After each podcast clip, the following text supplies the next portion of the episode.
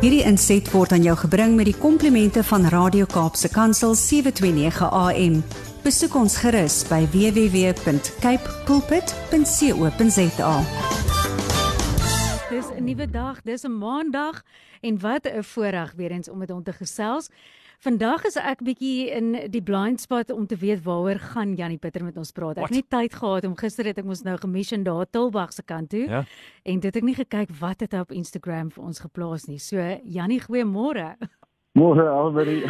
Vandag Ek is is my so bly dat my Uh-huh. goed op Instagram ook kom. Dit kom, Ek ja. plaas dit met geluk daar. Nee, dis waar ek altyd daai daai mooi glimlag. Ek sê mos jy het die breedste glimlag van enige mens wat ek ken en dit al klaar is inspirerend. So mense moet gerus 'n bietjie draai gemaak op jou Instagram. Maar Janie, ja, dis 'n nuwe dag. Ons het die voorreg van lewe en ek wil baie graag hoor wat jy vandag op die hart het. Elmarie, weet jy wat ek het um, gisteraand het ek gister het ek nou my mindset sit vir die week. Ek Besef ek net soveel keer kry mense met mense te doen wat die woorde gebruik. Ek het nou net genoeg gehad. En mm. ons moet besef die oomblik as ons sê ek het nou net genoeg gehad. Dan beteken dit in werklikheid jy sê ek gee nou op. Die realiteit wat in my gesig is, is so erg dat ek nou my hoop en my joy en my vreugde en alles gaan verloor want realiteit het dit van my gesteel. En ehm um, hier is nou Christenstasie ook, maar weet as jy self uh kom ons sê jy glo in God en jy glo dat daar altyd 'n antwoord is vir elke uitdaging. Want dis wat die Here vir ons sê, ek sal jou jy kan alles doen deur ek wat in jou werk. Nou wanneer ons daai woorde kry, sê ek het nou net genoeg gehad.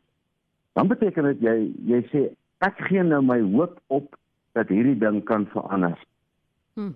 En um, ek wil net vir mense sê as jou kinders ooit hoor dat jy sê ek het nou net genoeg gehad. Dan beteken dit jy eintlik sê vir hulle pappa of mamma gee nou my hoop op. Ehm um, ek gaan nou my realiteit as my ehm um, waarheid aanvaar. So. En as jy mens mooi dink oor die konsekwensies hiervan, dit is verskriklik. Want eintlik is al wat ons moet hê is hoop. Want hoop is die sleutel tot geloof en geloof is die sleutel tot God. Want as ons daar in in, in Hebreërs 11 vers 7 dan ek staan daar sonder geloof is dit onmoontlik om God te behaag. So as jy nie geloof het nie, dan kan jy nie by God uitkom nie. God bestaan net as gevolg van geloof in ons lewe. So ek wil die mense uitdaag hierdie week. As iemand ooit vir jou sê ek het nou genoeg gehad of ek gee nou op, dan sê jy vir hom, "Toe maar, ek sal daai ek sal hierdie stryd vir jou verder vat want daar's geen manier in my lewe dat ek opgee nie. Ek sal altyd aanhou." Nou in, in Afrikaans het ons daai gesegde wat sê aanhouer wen. Ons Ja. vergeet van opgee. Kom ons maak dit sommer net lekker en ons sê, weet jy wat? In my lewe sal ek altyd aanhou. Daar sal nooit 'n punt wees of kom waar ek gaan sê ek het nou genoeg gehad nie. Nou wanneer jy daai besluit in jou kop neem om te sê ek sal nooit in my lewe sê ek nou genoeg gehad nie. Dan kom daar amper so energie, dis amper so jy, jy voel as jy 'n rat inskuif. En jy sê maar, "Oké, okay, ek gaan vir die res van my lewe sal ek aanhou, want aanhouer wen." Mm. Ek kos vergeet van die opgee, maar aanhouer wen. En as ons aanhou hoop en aanhou glo, die Here sê as lank as dit tyd. Hoe lank glo mens? As lank as dit tyd. Mm. Want uiteindelik sal my geloof my realiteit word en dan kyk die realiteit van die wêreld na na ons met venynige en afgunstige oë en sê hulle ons is gelukkig. Maar dit is nie gelukkig nie, dis aanhouer wen. Mm. Ek nou dink, ehm um, as ek destyds opgehou het om te skryf of om te glo dat ek 'n boek sal skryf. Ehm um, omdat ek nou negatiewe terugvoer gekry het van die eerste twee uitgewers en ek het myself be- betwyfel. Sê nou ek het opgegee daar. Ja. Dan sou ek nooit die deurbraak in my lewe gekry het om ooit 'n boek te begin skryf of 'n boek te geskryf het. En en hoe dit my lewe nie verander nie. En ek wil vir mense sê wat daar buitekant uh, is wat nou luister vandag is. Mag jy altyd sê ek sal aanhou solank as wat dit vat.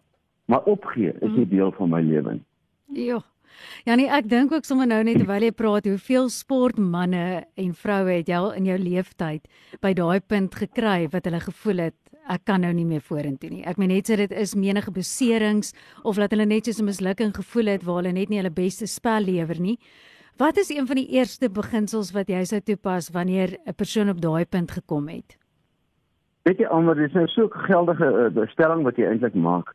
Want opgee is nie om, om op te gee is nie dieselfde as om aan te beweeg nie.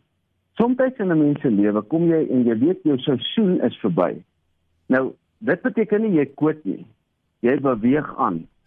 So as jou seisoen verby is, in, in sport, ek gaan nou rugby vat. As jy nou 'n droom gehad het om springbok te word en jy jy, jy het alles gedoen en jy's nou al 30 jaar oud. Dan kan jy nou vir jouself sê as ek nou opgee, as ek nou hierdie droom laat gaan, dan's ek 'n kwitter en ek is 'n loser nie. Mm. Glad nie. Dan moet 'n mens met verstaan met wysheid moet 'n mens verstaan daar's seisoene in die lewe vir elke ding. En wanneer mens wysheid het, dan beteken ek beweeg aan. Ek ja. gee nie op nie, ek beweeg vorentoe. En baie sportmense dink maar ek moet ten alle koste moet ek hierdie ding anders as ek 'n mislukking vir die lewe en dis glad nie so nie.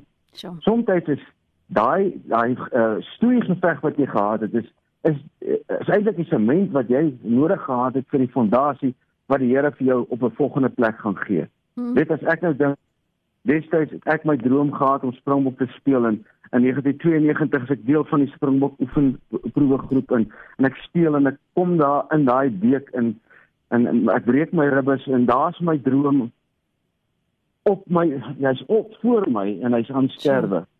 Het ek opgegee? Ek het glad nie opgegee nie. Ek het aanbeweeg. Mm. En baie jare later het die Here vir my baie meer gegee as wat ek sou gehad het sou ek nou daar in daai ding uh, nastiglik aangehou het en myself beseer beseer het en en en, en eintlik 'n swak beeld ontwikkel het van myself. Ja. So daar's 'n groot verskil tussen opgee en aanbeweeg. Dit laat my Dit maak so sin want ek dink ook soos klei wat die Here ons vorm die hele tyd. So die droom is dalk aangepas, maar dit beteken nie die Here gaan weet ophou om mense te vorm nie en daai vormpie draai altyd mooier uit as wat ons kon beplan op die einde van die dag. So nog steeds moet jy nie moet opgee nie, weet al lyk die drome bietjie anders op die ou end in terme van hoe dit realiseer.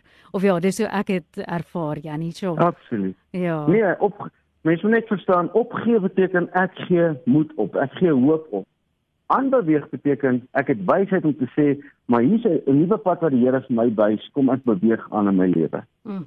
So ek uh, mens moet my mooi onderskei tref tussen daai twee. Onder opgee en aanbeweeg is nie dieselfde ding nie. Mm. Opgee beteken ek verloor my hoop en ek word moedeloos en ek en ek gaan in 'n ookie van selfbejammering sit en dis nie waar 'n wenner homself bevind nie. Ja. Ja, sê vir dankie. Ons glo vas aan daai hoop en ons weet ook waar ons hoop vandaan kom, maar ons sê vir baie dankie vir hierdie week waar ons nou met ons Visiothon, jy weet mense net gaan kry om hulle om ons ook in die proses by te staan dat ons die werk kan doen wat die Here van ons verwag. So ek dink daai was 'n lekkerder inleiding. Janie, ons sê vir baie dankie. Dankie almal, 'n great week vir julle en sterkte met hierdie hele week se dinge, hoor. Hierdie inset was aan jou gebring met die komplimente van Radio Kaapse Kansel 729 AM. Besoek ons gerus by www.cape pulpit.co.za.